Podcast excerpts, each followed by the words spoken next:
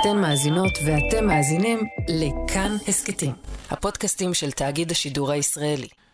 זוהי חלקת הארץ הבוערת ביותר במזרח התיכון, אולי בעולם כולו. היא מהווה אתגר קשה לעם ישראל ולמדינת ישראל כבר דורות רבים. אם תרצו, אפילו עוד מימי התנ"ך, אז ישבו בה הפלישתים. רצועת עזה, 365 קילומטרים רבועים בדרום מישור החוף, אורכה 40 קילומטרים, רוחבה בין 5 ל-12 קילומטרים, וחיים בה 2.5 מיליון פלסטינים עם שני ארגוני טרור רצחניים, חמאס וג'יהאד אסלאמי. שלום, אתם מאזינים לעוד יום, הסכת האקטואליה של כאן, אני יואב קרקובסקי. בכלל לא בטוח שניתן להסביר את אירועי ה-7 באוקטובר. טבח אכזרי שביצעו הטרוריסטים של חמאס והג'יהאד, מלווים במאות, אולי אפילו אלפי עזתים שבאו לקחת חלק בטבח, ברצח ובביזה של יישובי העוטף בנגב המערבי, בשדרות ובאופקים. אבל היום ננסה להבין בכל זאת את תולדות הרצועה, חבל ארץ שעבר ידיים רבות, מצרים, ישראל, הרשות הפלסטינית והיום חמאס. אלוף משנה במילואים הדוקטור שאול אריאלי הוא חוקר הסכסוך הישראלי-פלסטיני ולשעבר מפקד החטיבה הצפונית ברצועת עזה. הוא היה ראש מנהלת הסכם הביניים בתקופתם של ראשי הממשלה רבין, פרס ונתניהו, וראש מנהלת המשא ומתן להסדר הקבע בממשלת ברק. יש לו שעות עזה רבות, הוא מכיר לעומק את הרצועה ואת מנהיגיה, איתו נצא למסע לאורכה ולרוחבה של רצועת עזה.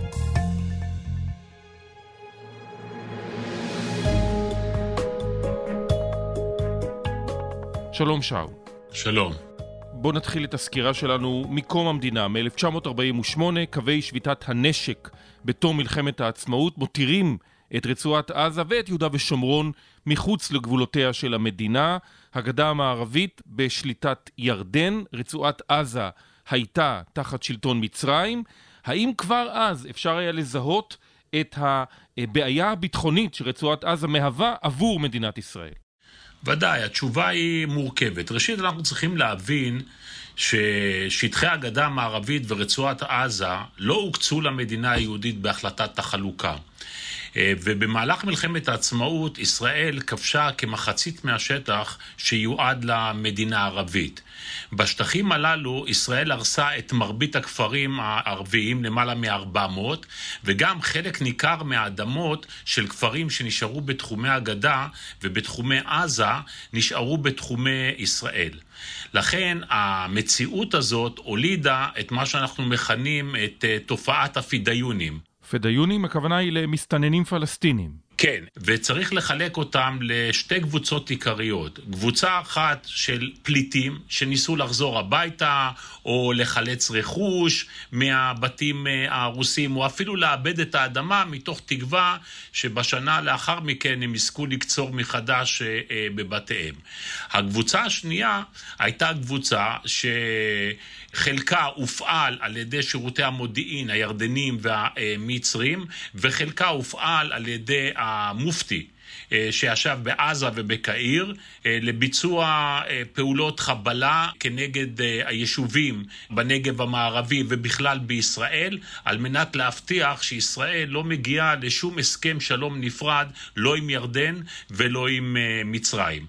התופעה הזאת פסקה ב-1956 עם מלחמת סיני. כיבוש עזה והחזרתה ופריסה של משקיפי או"ם ברצועת עזה. כמובן שהתקופה הזאת עלתה אה, ביוקר, כ-250 אנשי ביטחון אה, ותושבים אה, נרצחו בפעולות הללו, ומנגד כ-5,000 פלסטינים נהרגו בפעולות צה"ל. בואו נתקדם הלאה. מלחמת ששת הימים, צה"ל כובש את עזה ואת חצי האי סיני. כמה תושבים פלסטינים יש אז ברצועה?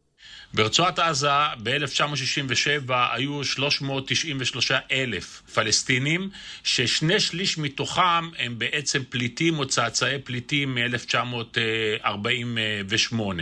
זאת אומרת, הרצועה כבר אז הייתה במצב מאוד אה, ירוד, לא טופחה ולא טופלה על ידי המצרים, ובעצם אה, אונר"א, ארגון הסיוע והסעד של האו"ם, הוא זה שתחזק וקיים את הפליטים ברצועה. איך ישראל בעצם מקיימת את השליטה שלה ברצועת עזה ב-1967 והלאה? ישראל מעולם לא סיפחה את הרצועה כמו שהיא לא סיפחה את הגדה המערבית, למעט מה שהיא סיפחה באזור אה, ירושלים והפכה את זה לירושלים המאוחדת, וגם בניגוד לסיפוח של אה, רמת הגולן. השליטה של ישראל אה, ברצועת עזה הייתה שליטה צבאית על פי אמנת ז'נבה הרביעית ואמנת האג, באמצעות ממשל צבאי עם מפקד צבאי. בעיריית עזה מתנהל הכל כשורה. הממונה היהודי על העירייה החל לנהל אותה לפני ארבעה חודשים. ראש העיר הערבי רשד א-שווא הודח אחרי שסירב לספק שירותים מוניציפליים למחנה הפליטים שתי. עוד קודם הדחתו ועל רקע נטיותיו הפרו-ירדניות התנכלו המחבלים לחייו. והקמה של מה שקרוי מנהל אזרחי שטיפל בחיי היום-יום של הפלסטינים אה, ברצועה.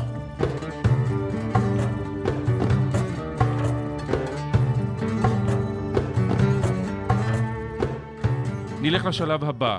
אחרי כיבוש רצועת עזה וחצי האי סיני, ישראל מתיישבת בסיני, אבל לא רק, היא מקימה את גוש קטיף. נכון, לגמרי.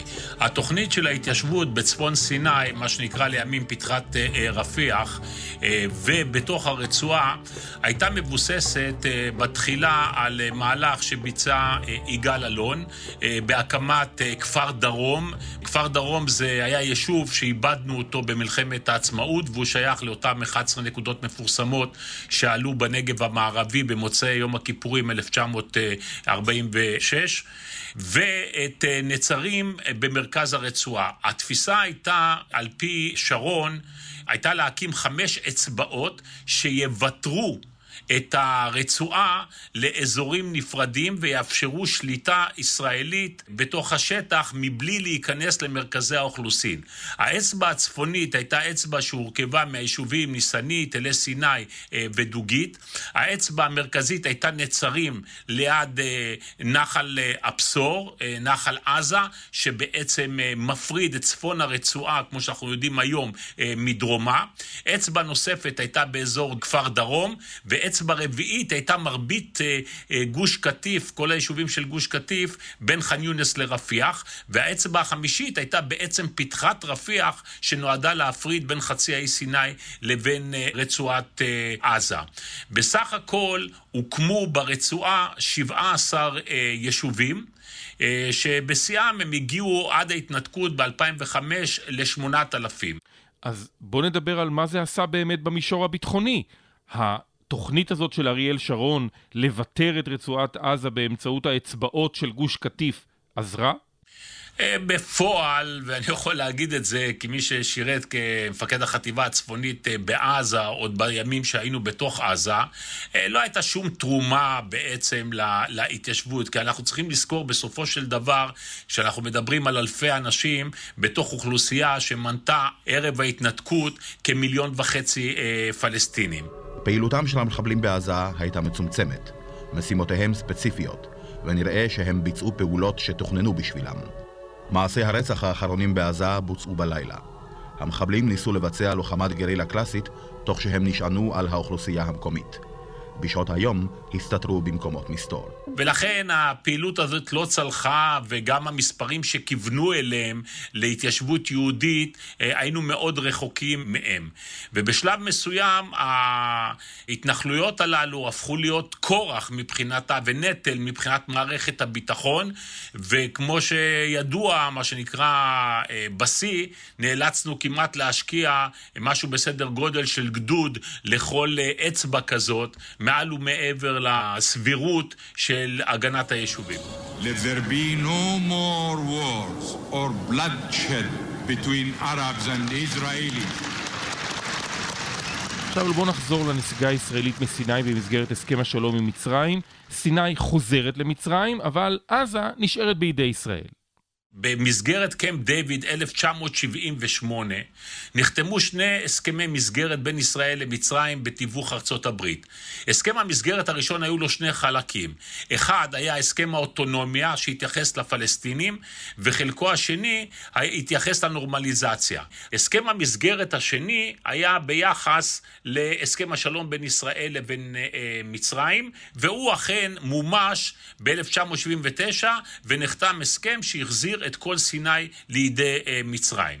לגבי הסכם האוטונומיה, היה זה בגין שהתעקש להשאיר את עזה בשליטתנו, משום שלתפיסתו היה אפשר לאחר תקופת ביניים של חמש שנים לספח את עזה ואת הגדה המערבית ואפילו לתת אזרחות אה, למי שיהיה מעוניין בכך מהתושבים הפלסטינים באזורים הללו. אבל כמובן, לאחר שההסכם אה, נחתם, אה, התחברו ביתר שאת ההשלכות הדמוגרפיות, ולכן מהר מאוד ישראל בעצם טרפדה את הסכם האוטונומיה אה, והוא גבה לחלוטין עם תחילת מלחמת לבנון הראשונה ב-1982.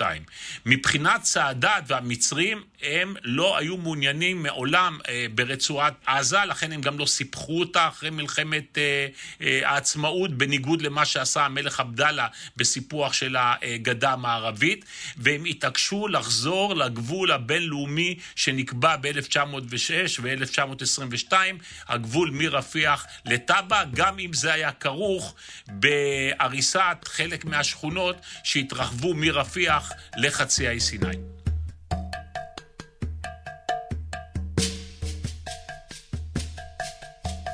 אז בואו נדבר עכשיו על שנות ה-80. 1982 מהנסיגה מסיני, אולי אפילו טיפה לפני, ועד אה, פרוץ האינתיפאדה השנייה. בסך הכל הרי מי שחיו את התקופה הזאת, תושבי שדרות אפילו, זוכרים שהם נסעו לקנות בשוק של עזה. תראה, כילד שגדל אה, באשקלון, אה, אחרי מלחמת אה, ששת הימים, גם אני הייתי שותף לחוויה הזאת של נסיעה למחנה הפליטים שתי לקנות דגים, עם קו אוטובוס שיצא מהתחנה המרכזית באשקלון והגיע עד למרכז עזה. אבל uh, מהר מאוד, כבר ב-1970, כזכור לך, היה גל רציני של uh, אלימות uh, בעזה, שהתחיל עם זריקת הרימון לרכב בצומת סג'איה. הטרור העזתי נגד ישראלים, שבא אחרי שלוש שנים שקטות יחסית מאז כיבוש הרצועה, הגיע לשיאו ב-2 בינואר 1971, בפיגוע שבו נהרגו שני ילדי משפחת ארויו, דניאל ואביגיל. במכונית שלהם ברחוב הראשי של עזה נוסעת. עצרו אותם, זרקו לפנים הרימון, האימא נפצעה קשה, שני ילדים נהרגו. וכל הפעולות שהוביל אותם אז אה, אריק שרון כאלוף אה, אה, פיקוד דרום ודוד מימון כמפקד רצועת עזה. כמעט שנה לקח לנו להבין איך צריך לפעול, לקחת את היוזמה מה, מעל 90% מהמבוקשים לתפוס? לפצוע, להרוג. עד שהדבר הזה בעצם מסתיים, בעיקר בשל ההחלטה לפתוח את שערי עזה אה, לעבודה אה, בישראל. בהמשך הדבר הזה נרגע, שוב, הייתה לישראל את ההרתעה, הפלסטינים היו אה, רחוקים מהתארגנות בעניין הזה, והדבר הזה חזר והתפוצץ מחדש, כמובן בדצמבר 87, עם פרוץ האינתיפאדה הראשונה. כדי שהרצועה תרתח ותבער, אין התושבים זקוקים לשום תאריך או סיבה של ממש. חסר רק זיק ואפילו דמיוני. והשבוע הייתה זו תאונת דרכים שבה התנגשה משאית ישראלית במכוניות עזתיות שחזרו ממרכז הארץ. מגודל ההתנגשות נהרגו ארבעה תושבים של מחנה הפליטים ג'יבליה. האינתיפאדה הראשונה פורצת בדצמבר 1987 כתוצאה מתאונת דרכים. לכאורה אירוע תמים שמידרדר למהומות שמתחילות בעזה ועוברות מהר מאוד ליהודה ושומרון. אכן, האינתיפאדה הראשונה, אה, אנחנו בעצם מתייחסים כאילו לתאונה, אבל מהר מאוד אנחנו מבינים שהיא יושבת על זרמי עומק שמתנהלים אה, בחברה הפלסטינית, וזה כמובן אה, ההתנגדות לישראל וכל מה שכרוך בנרטיב שלהם ביחס לסכסוך הישראלי-פלסטיני. מוסתים וכועסים מפגינים מאות במחנה הפליטים ג'יבליה. הם תוקפים סיור צבאי של צה"ל. בין הפגנה שאינה אירוע לציון ובין התלקחות כללית צריך שיתקפדו חיי אדם. יהודי או ערבי, מכדור או מבקבוק, מסכין או מאבן. ולכן מהר מאוד על רקע הדברים הללו האלימות מתפשטת ואירועי אה, נקרא לזה בשלב הזה עדיין המחאה העממית, ההמונית אה, של אבנים ובקת"בים מרצועת עזה לגדה המערבית אה, ולמזרח ירושלים. והדבר הזה נעצר בסופו של דבר עם ההליכה להסכמי אוסלו ב-1993 וכינונה של הרשות הפלסטינית ב-1994. זאת הייתה אינתיפאדת אבנים, אבל לא רק אבנים. אה, שבסופו של דבר יצרה חמש שנים סבוכות מאוד למדינת ישראל במישור הבינלאומי. היום אנחנו יכולים להגיד שהדבר הבולט באינתיפאדה הראשונה זה בעצם אה, הקמתה של תנועת החמאס ואמנת החמאס בדצמבר 87, אה, מתוך אה, כוונה להיאבק על ההנהגה של העם הפלסטיני, וכמובן להתנגד לכל אפשרות אה, של איזשהו פתרון אוטונומיה או כל דבר אחר אה, שדובר אה, אז. אכן האינתיפאדה אה, שינתה את פני המציאות באופן אה, דרמטי. ישראלים הדירו את רגליהם מהיישובים הפלסטיניים, גם בגדה, גם ברצועת עזה וגם אפילו במזרח אה, ירושלים. מצד שני, הייתה פעילות צבאית לא מבוטלת שהייתה כרוכה במעצרים של עשרות אלפי פלסטינים על ידי ישראל. הדברים האלה התגלגלו לכדי אה, ועידת מדריד ב-1991, אבל כמובן ללא תוצאות משום שהתעלמה מהנציג הלגיטימי של העם הפלסטיני, אש"ף, שישב באותה עת אה, בתוניס, ובמקביל ב-93 היה נפתח הערוץ החשאי של אוסלו, שבסוף יצא לידי אה, פרסום וחתימה בספטמבר 93.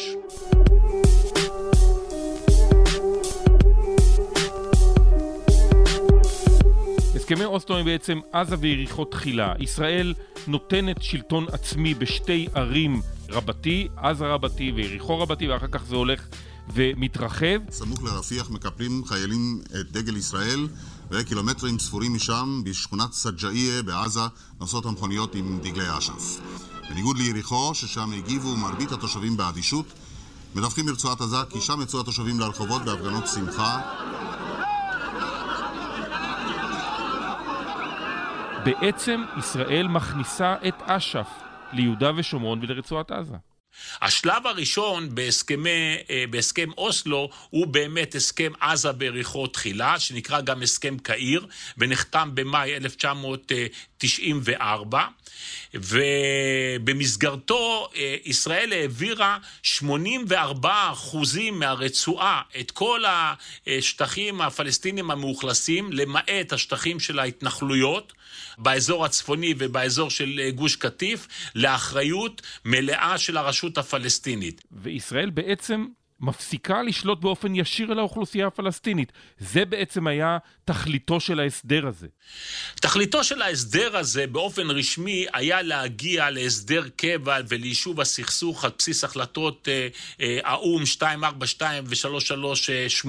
אבל בפועל, וזה אחד היתרונות המרכזיים מבחינתה של ישראל להסכם אוסלו, הסכם אוסלו ביצירתו את הרשות הפלסטינית בעצם בנה אה, גוף מתווך בין ישראל לבין האוכלוסייה הפלסטינית. צה"ל השלים את פינוי המחנות לפנות בוקר ומסר את אחרוני המתקנים למשטרה הפלסטינית. מהבוקר פרוס צה"ל בהיערכות החדשה מסביב ליישובים היהודיים ברצועה. אלוף פיקוד הדרום, מתן וילנאי, אומר כי תושבי גוש קטיף זוכים להגנה הטובה בעולם.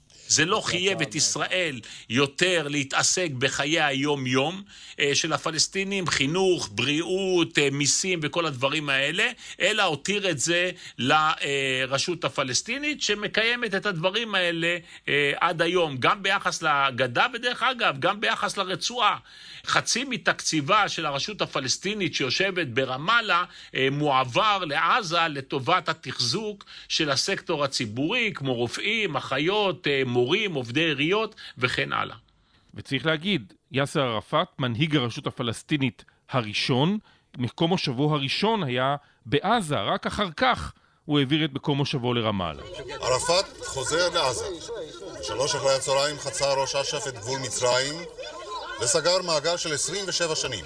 מרפיח המשיך לעזה, עכשיו התקבל על ידי רבבות פלסטינים ונשא את נאום הבכורה שלו בתוך תחומי הממשל הפלסטיני. בעקבות הסכם קהיר הוא הגיע לעזה, משום שרמאללה עצמה עדיין הייתה נתונה לניהול ישראלי, והוא לא רצה להגיע אה, ליריחו. אה, וצריך לזכור שיאסר ערפאת החזיק בשלושה כובעים בדומה לאבו מאזן. הוא היה נשיא, הראיס של הרשות הפלסטינית, הוא היה יושב ראש ארגון אש"ף, הנציג הלגיטימי של העם הפלסטיני, והוא גם היה מפקד אה, תנועת אה, הפת"ח. את כל התפקידים האלה הוא הוריש מאוחר יותר עם מותו ב-2004 אה, לאבו מאזן. בוא נדבר על שלטון אה, ערפאת בעזה. איך בעצם אתה יכול לאפיין את התקופה שבה אה, אה, יוסר ערפאת של, שולט בראש ובראשונה ברצועת עזה, בעצם ברשות הפלסטינית כולה, אבל זה מקום מושבו המרכזי.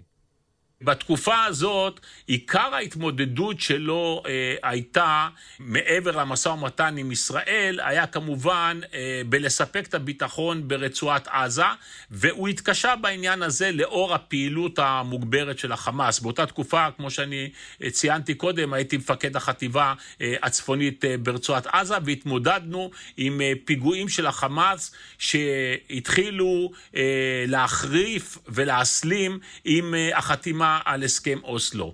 אני חושב שערפאת אה, עשה טעות אה, חמורה ביותר בכך שהוא חשב שהוא יוכל להכיל את החמאס תחת אה, שליטתו, משום תפיסתו כמנהיג האומה הפלסטינית, והדבר הזה עלה ביוקר לא רק לישראל, אלא עלה ביוקר גם לפלסטינים עצמם, גם לאש"ף, גם לפת"ח, דבר שהגיע בסופו של דבר לסילוקה מהרצועה ב-2007.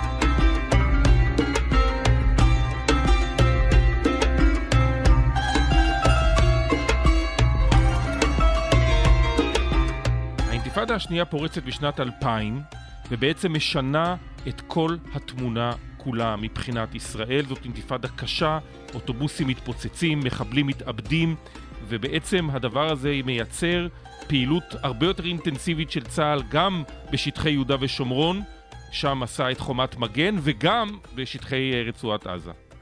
ללא ספק שהאינתיפאדה השנייה הייתה אה, נקודת אה, מפנה ביחסים של ישראל עם, אה, עם הפלסטינים.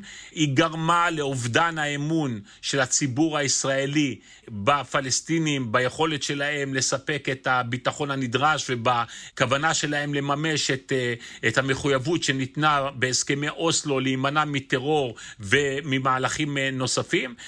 והדבר הזה, צריך לזכור, בא מן העבר השני על רקע כישלונה של פסגת קמפ דיוויד להגיע להסדר קבע בשל העמדות הישראליות שנתפסו בלתי אפשריות ובלתי הוגנות מבחינת הפלסטינים. בתוך האינתיפאדה השנייה חל שינוי גדול מאוד באופן שבו חווה ישראל את רצועת עזה. שלוש פצצות מרגמה נפלו באזור אה, שדרות, כוחות צבא, כוחות ביטחון, כולם זורמים כרגע לשטח. תרחיש שצפו אותו בצה"ל, עוד תרחיש שצפו בצה"ל, מתממש, היום זה... מתחיל ירי הקסאמים לכיוון שדרות, לכיוון יישובי אה, עוטף עזה. מי שעושים את זה, בראש ובראשונה אלה אנשי חמאס. נכון. אנחנו עדים לכך כבר ב-2001 לירי הקסאמים הראשונים המאוד אה, פרימיטיביים שהיה להם אה, ראש נפץ בסדר גודל של אה, חצי קילו, שזה פחות מרימון רסס, אבל הייתה לכך השפעה לא מבוטלת שהלכה והתגברה. החמאס נכנס לתהליך ארוך של התחמשות, של הצטיידות, של פיתוח היכולות הצבאיות שלו, והכל נעשה כמובן עדיין במסגרת השליטה הישראלית אה, ברצועה, אם כי לא בתוך הערים אה, הגדולות, שם היה להם הרבה יותר נוח לבסס את אה, שלטונם, אבל בסופו של דבר, עם ביצוע תוכנית ההתנתקות ב-2005... בתום יום של מאבק איתנים, נכנע האגוז הקשה של ההתנתקות, בית הכנסת בכפר דרום. המתנחלים זרקו שמן, קצף, חומצה וחול על כוחות הביטחון. כ-500 ממתנגדי ההתנתקות נעצרו וכמה שוטרים נחבלו. החמאס זקף את ההתנתקות הזאת שנחשבה נסיגה ישראלית לזכותו וב-2006 זה היה אחד הגורמים המרכזיים לכך שהוא זכה בבחירות והקים את הממשלה הפלסטינית וזכה במושבים בפרלמנט. אם כן, יושב ראש אה, הרשות הפלסטינית אבו מאזן הודיע היום כי יטיל על חמאס להרכיב את הממשלה החדשה בעקבות ניצחונו הסוחף בבחירות. ניצחון חמאס ממשיך גם היום לעורר תגובות אבל כתוצאה מכך התחיל החיכוך עם הפת"ח אש"ף שהחזיק במדיניות אחרת, שבסופו של דבר הביא ב-2007 להשתלטות צבאית של החמאס על עזה וזריקת הרשות הפלסטינית מתוך הרצועה ו...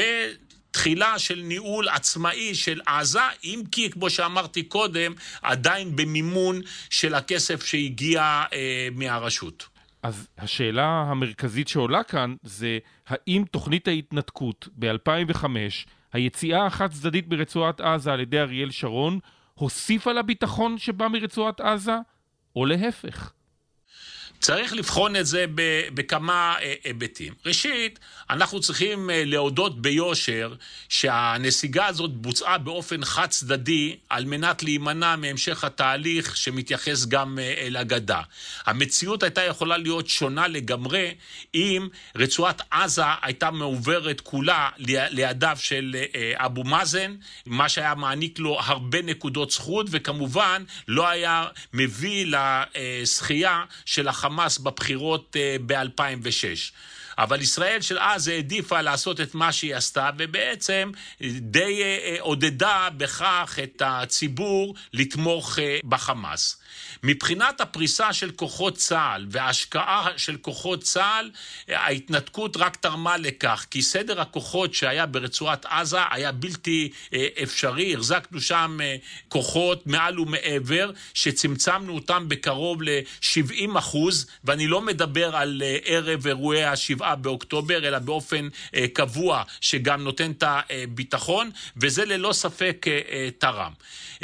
יחד עם זאת, כמובן, היעדר תהליך מדיני ומה שקרה בעזה אפשר בעצם לחמאס להתעצם בהדרגה אה, על ידי הקשרים שלו עם איראן, עם קטר, עם טורקיה, אה, עם סוריה, אה, חיזבאללה אה, ואחרים, וישראל לא הייתה ערה דייה על מנת לעצור את העניין הזה, משום שהמדיניות הישראלית הייתה אה, לשמור את החמאס כאחד שמנהיג את הרצועה על מנת אה, אה, למנוע את האפשרות שפת"ח אש"ף יחזור להיות פרטנר. והמדיניות הזאת כמובן ראינו כשלה לחלוטין, לא רק בשבעה באוקטובר, אלא לאור כל המבצעים שנאלצנו לקיים בעשור האחרון ברצועה. אבל בוא נחזור ל-2006, 2007. עוד אמש השלים חמאס את ההשתלטות על כל סמלי הרשות הפלסטינית, לרבות מפקדות המודיעין המסכל, המודיעין הכללי, בניין השריה ומתחם הנשיאות. בזה אחר זה נכנעו אנשי פת"ח לרעולי הפנים מחמאס. סמיח מדהון מאנשיו של דחלן, שחמאס ביקש את ראשו כמי שאחראי לפגיעה באנשיו, נתפס חי כשניסה להימלט מן הרצועה, והוצא להורג בשידור חי. ההשתלטות של חמאס על רצועת עזה היא נעשתה באלימות מאוד רבה. זכורים הסיפורים שאנשי פת"ח נזרקו מגגות בתים בעזה. לגמרי, ודאי. האכזריות של החמאס היא צמודה לפרשנות שלהם אה, לאסלאם. לכן, מבחינתה של ישראל, החמאס הוא אויב שלא נטש את דרך האלימות ודרך הטרור, גם אם הוא קורא לזה התנגדות, על מנת להגיע בסופו של דבר ליעד של פלסטין אסלאמית בין הים לבין הנהר, כפי שמופיע באמנה שלו. ואת זה אנחנו צריכים תמיד להעמיד מול עינינו ולא להתפתות לכל מיני אמירות שהושמעו על ידי מנהיגי החמאס בשנים האחרונות.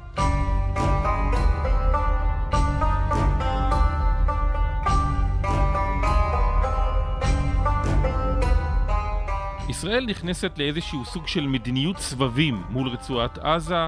זה מתחיל מעופרת יצוקה ועובר לעמוד ענן ועובר לעוד ועוד ועוד סבבים שנמשכים שבועות ספורים עד חודשים, צוק איתן כמעט חודשיים.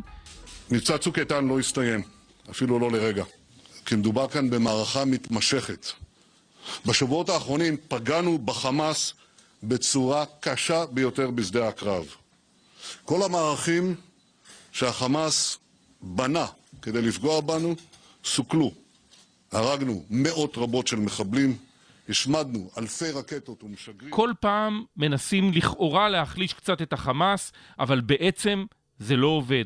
אלה תרופות קצרות טווח. זאת הייתה בעצם המדיניות של הממשלה בראשותו של נתניהו. נתניהו רצה מצד אחד ליצור חמאס חזק דיו שיחליש את הרשות הפלסטינית ויבטל אותה כגורם אה, למשא ומתן להסדר הקבע.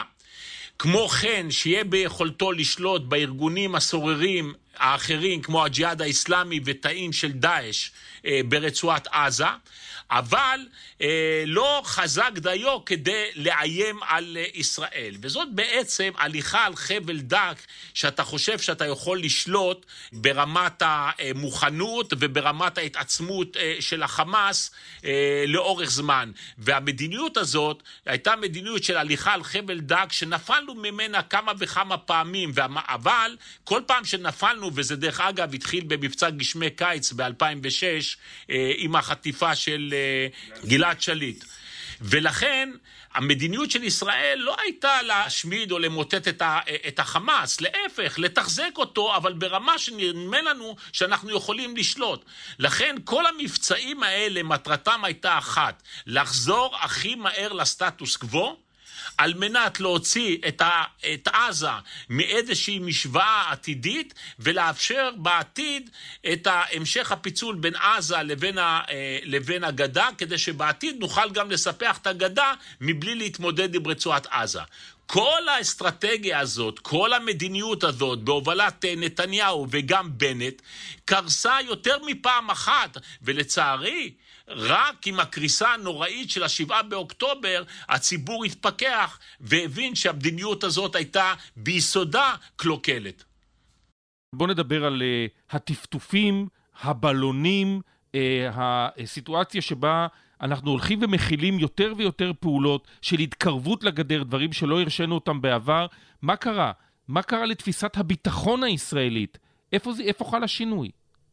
השינוי חל שישראל החליטה אה, לשחרר קצת את הלחץ שהיא מפעילה על הרצועה ובנתה אה, קונספציה חדשה שאם אנחנו אה, נעניק מקומות עבודה בישראל ורווחה כלכלית מסוימת לתושבי עזה, זה ישמש בידינו כמנוף, כלברג' על החמאס וימנע מהם את האפשרות של, של הסלמה.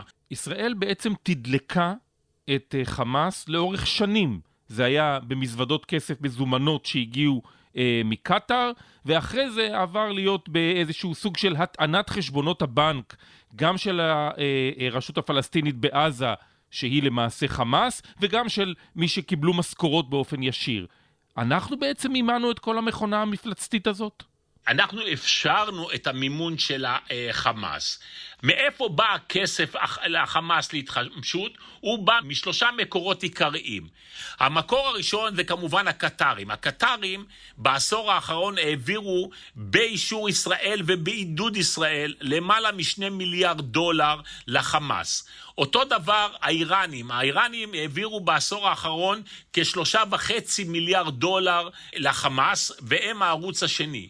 הערוץ השלישי זה היה ערוץ שכבר מת, אבל הוא היה המיסים שהטילו, הטיל החמאס על כל הברחת הסחורות דרך המנהרות מתחת לציר פילדלפי בין רצועת עזה לחצי האי סיני. דבר דרך אגב שהעשיר בצורה חסרת תקדים את הנהגת החמאס. היום שאתה מסתכל על הנהגת החמאס, למשל אה, משעל, עונו האישי מוערך בחמישה מיליארד דולר. גם כל אחד מראשי החמאס האחרים, אסמאעיל הנייה ואפילו מוחמד דף ויחיא סנואר ואבו מרזוג וארורי וכל השאר אה, מחזיקים בהון אה, עצמי של בין אה, חמישה מיליון דולר ועד לשלושים מיליון דולר. אבל כל התהליך הזה, בעיקר בסיוע הקטרי, לא היה מתקיים אילולא ישראל התירה את העניין ואפשרה את העניין ולא נלחמה דיה בכלים שונים בהעברת ה... הסיוע והמימון האיראני לחמאס ברצועה. 2021, שומר חומות היה אירוע מכונן שכנראה לא הבנו למה הוא בעצם חותר. חמאס מתחיל את המבצע שלו כנגדנו. שלום רב לכם, ערב טוב. יממה שנייה של הסלמה, מטחים כבדים לעבר הדרום ופגיעות ישירות שגובות את חייהן של שתי נשים. ביממה הזאת גם מהומות ומחאות אלימות של ערביי ישראל בכל רחבי הארץ. באלימות קשה שבאה מרצועת עזה, ביהודה ושומרון, וזה נכנס גם לערים המעורבות בתוך ישראל. בעצם זה היה ניסוי כלים ראשון שהניסוי כלים הבא אחר כך בא בשבעה באוקטובר. אתה יותר מצודק אה, אה, במקרה הזה. בעצם אי אפשר להבין את אה, שומר חומות, זאת אומרת, את מה שקדם לשומר חומות, מבלי להבין את האסטרטגיה של החמאס. האסטרטגיה של החמאס היא הניסיון להפעיל בו זמנית חמש חזיתות כנגד נגד ישראל. ברצועת עזה, באיו"ש, בלבנון, במזרח ירושלים וערביי ישראל. מתוך הנחה שפיזור המאמץ הצה"לי על פני חמש חזיתות ימנע אפשרות של הכרעה בחזית המרכזית, שזאת בעצם אה, רצועת עזה. והדבר הזה עלה בידיהם באופן לא רע במאי 21 בשומר חומות, אבל זה נגמר כפי שזה נגמר. ולכן גם הפעם הם בנו על האפשרות הזאת שכל חמש החזיתות יפעלו ביחד, ולהזכירך ש-40 דקות לאחר תחילת התקיפה ב-7 באוקטובר, מוחמד דף, ראש הזרוע הצבאית של החמאס ברצועת עזה, יצא בקריאה להפעיל את כל החזיתות ואת כל הדגלים בדרך לשחרור פלסטין. למזלנו הרב, הקריאה הזאת לא נענתה. היא לא נענתה כמובן לא על ידי ערביי ישראל שמפגינים את ההפך אה, הגמור, היא לא נענתה על ידי הפלסטינים במזרח ירושלים, באיו"ש היא נענתה בצורה אה, מוגבלת, אה, והעימותים האלה הם גם בין היתר תוצאה מפעילות של אה, אה, מתנחלים קיצוניים, ועד היום יש לנו אה, קצת יותר ממאה אה, פלסטינים הרוגים באיו"ש, אבל הם בעיקר בנו על מעורבות של אה, חיזבאללה אה, מצפון. לחיזבאללה עם כל היכולות שלו בין 100 אלף ל-200 אלף אה, רקטות לדווחים שונים, בין 50 ל-100 אלף לוחמים, הם חשבו שהם יתערבו בזה ישר בהתחלה. ולכן מהר מאוד שמענו גם את משעל, שמענו גם את אבו מרזוג וגם את אסמאעיל הנייה, קוראים לחיזבאללה להצטרף, וחיזבאללה לא עשה את העניין הזה. ולכן עזה, כפי שזה נראה היום, כן, ודברים יכולים להשתנות, אבל עזה, כפי שזה נראה היום, מבחינת האיראן, היא, היא מוקרבת על מנת לא להפסיד את חיזבאללה, שהוא הפרוקסי המשמעותי ביותר שלה אה, באזור. טעינו בשני המבצעים האחרונים בעזה, במבצע מגן וחץ ועוד קודם בעלות השחר, כשהפרדנו בין הג'יהאד האיסלאמי לבין חמאס? כן, הפרדנו כי זה היה נוח לנו אה, מאוד. החמאס בעצם לא נטל חלק בשתי הפעולות הללו, והג'יהאד הוביל אותם, ולכן הג'יהאד הוא זה שנפגע, ומבחינתנו זה היה מאוד נוח לא לערב את החמאס, אלא דווקא לפגוע בג'יהאד ולהחליש אותו, ומתוך אותה קונספציה שהחמאס הוא זה שישלוט ב, אה, ברצועה ויעשה עבורנו את העבודה אה, למניעת ירי מהג'יהאד וגורמים נוספים, אנחנו אפשרנו את העניין הזה. זה היה חלק מאותה אה, מדיניות שהונהגה על ידי אה, נתניהו ואפילו בנט אה, במשך שנים.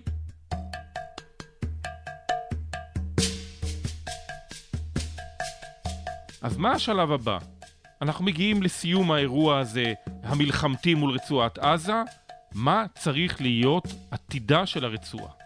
תראה, צריך להסתכל על הדברים האלה בטווחי זמן אה, אה, שונים, ואסור לנו להפריד בין המהלך המבצעי, מלחמתי, לבין המהלך המדיני. כי כל מהלך אה, צבאי שאין לו תכלית מדינית ברורה, הוא השתוללות אה, אה, לשמה.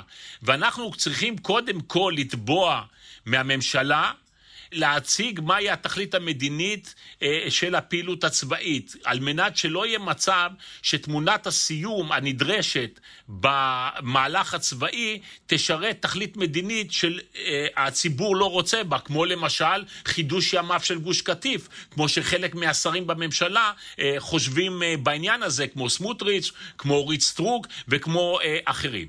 לכן לדעתי יש שלושה נושאים שצריך לטפל בהם בטווחי זמן שונים. בטווח הקצר צריך בראש ובראשונה להחזיר את החטופים ואת השבויים הביתה גם במחיר שחרורם של כל העצירים הביטחוניים.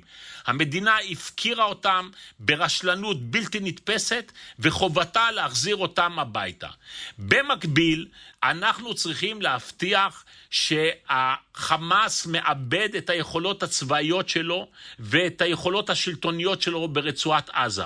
ישראל לא תוכל להסכים שארגון שתקף אותה וביצע את זוועות המלחמה בשבעה באוקטובר ימשיך להתקיים לצידה בשום דרך. ככה לא נוכל לשרוד במזרח התיכון. ולכן ישראל צריכה להבטיח שחמאס איבד את אחיזתו ברצועת עזה ובגדה, ומקסימום שיתנהל כמו שהוא מתנהל היום בלבנון או בסודאן או בקטר. השלב השני שצריך גם איתו להתחיל עכשיו זה לבנות מחדש את הפרטנר הפלסטיני, את פת"ח אש"ף. זה דבר שלא יכול להתקיים ביום אחד, משום שישראל במשך 15 שנה כרסמה בסמכותו של פת"ח ושל הרשות הפלסטינית. לכן צריך לבנות תוכנית הדרגתית שעיקרה מהלכים טריטוריאליים לטובת הרשות הפלסטינית שיקנו לה נקודות זכות בקרב דעת הקהל הפלסטינית, ואחרי זה ללכת לבחירות. בבחירות שהחמאס לא משתתף בם והפת"ח זוכה בם, הוא יזכה מחדש ללגיטימציה לנהל משא ומתן עם ישראל וגם לחזור לנהל את הרצועה. אין שום סיכוי שבעולם שאפשר יהיה לחזור לנהל את הרצועה מבלי בחירות אה, אה, מחודשות. והדבר השלישי לטווח הרחוק, ישראל צריכה להכריז על האנד גיים של יישוב הסכסוך. אם אנחנו רוצים קואליציה בינלאומית שתלווה את ישראל לאורך זמן, זה מחייב אותנו לדבר על הסדר מדיני עם הפלסטינים. לא מחר בבוקר, אני אומר, תהליך שמתחיל עכשיו באופן הדרגתי, אבל הוא חייב להתבסס על החלטות האו"ם 242338 ועל יוזמת הליגה הערבית. ואז להתחיל במשא ומתן לפתרון של שתי המדינות, ואת היישום לעשות אותו בהדרגה, באופן מותנה, בהתאם להתפתחויות וליכולות שהרשות הפלסטינית המשוקמת אה, תפגין. בלי זה, לדעתי, אנחנו הולכים לתהום יותר עמוקה, אפילו יותר עמוקה מהשבעה באוקטובר, ואנחנו צריכים כמובן להימנע מכך. שאול אריאלי, תודה רבה. תודה רבה לכם. האזנתם לעוד יום, העורך הוא דניאל אופיר, עיצוב קול ומיקס טל וניג, בצוות האורחים יותם רוזנבלד. פרקים חדשים של עוד יום עולים בכל יום ראשון, שלישי וחמישי. לכולם ולהסכתים נוספים מבית תאגיד השידור הישראלי אפשר להאזין ביישומון כאן, באתר שלנו או בכל יישומון הסכתים. אפשר גם להשיג אותנו בקבוצת כאן הסכתים בפייסבוק או בחשבונות שלי, בפייסבוק או בטוויטר. אני יואב קרקובסקי, שנדע ימים טובים יותר.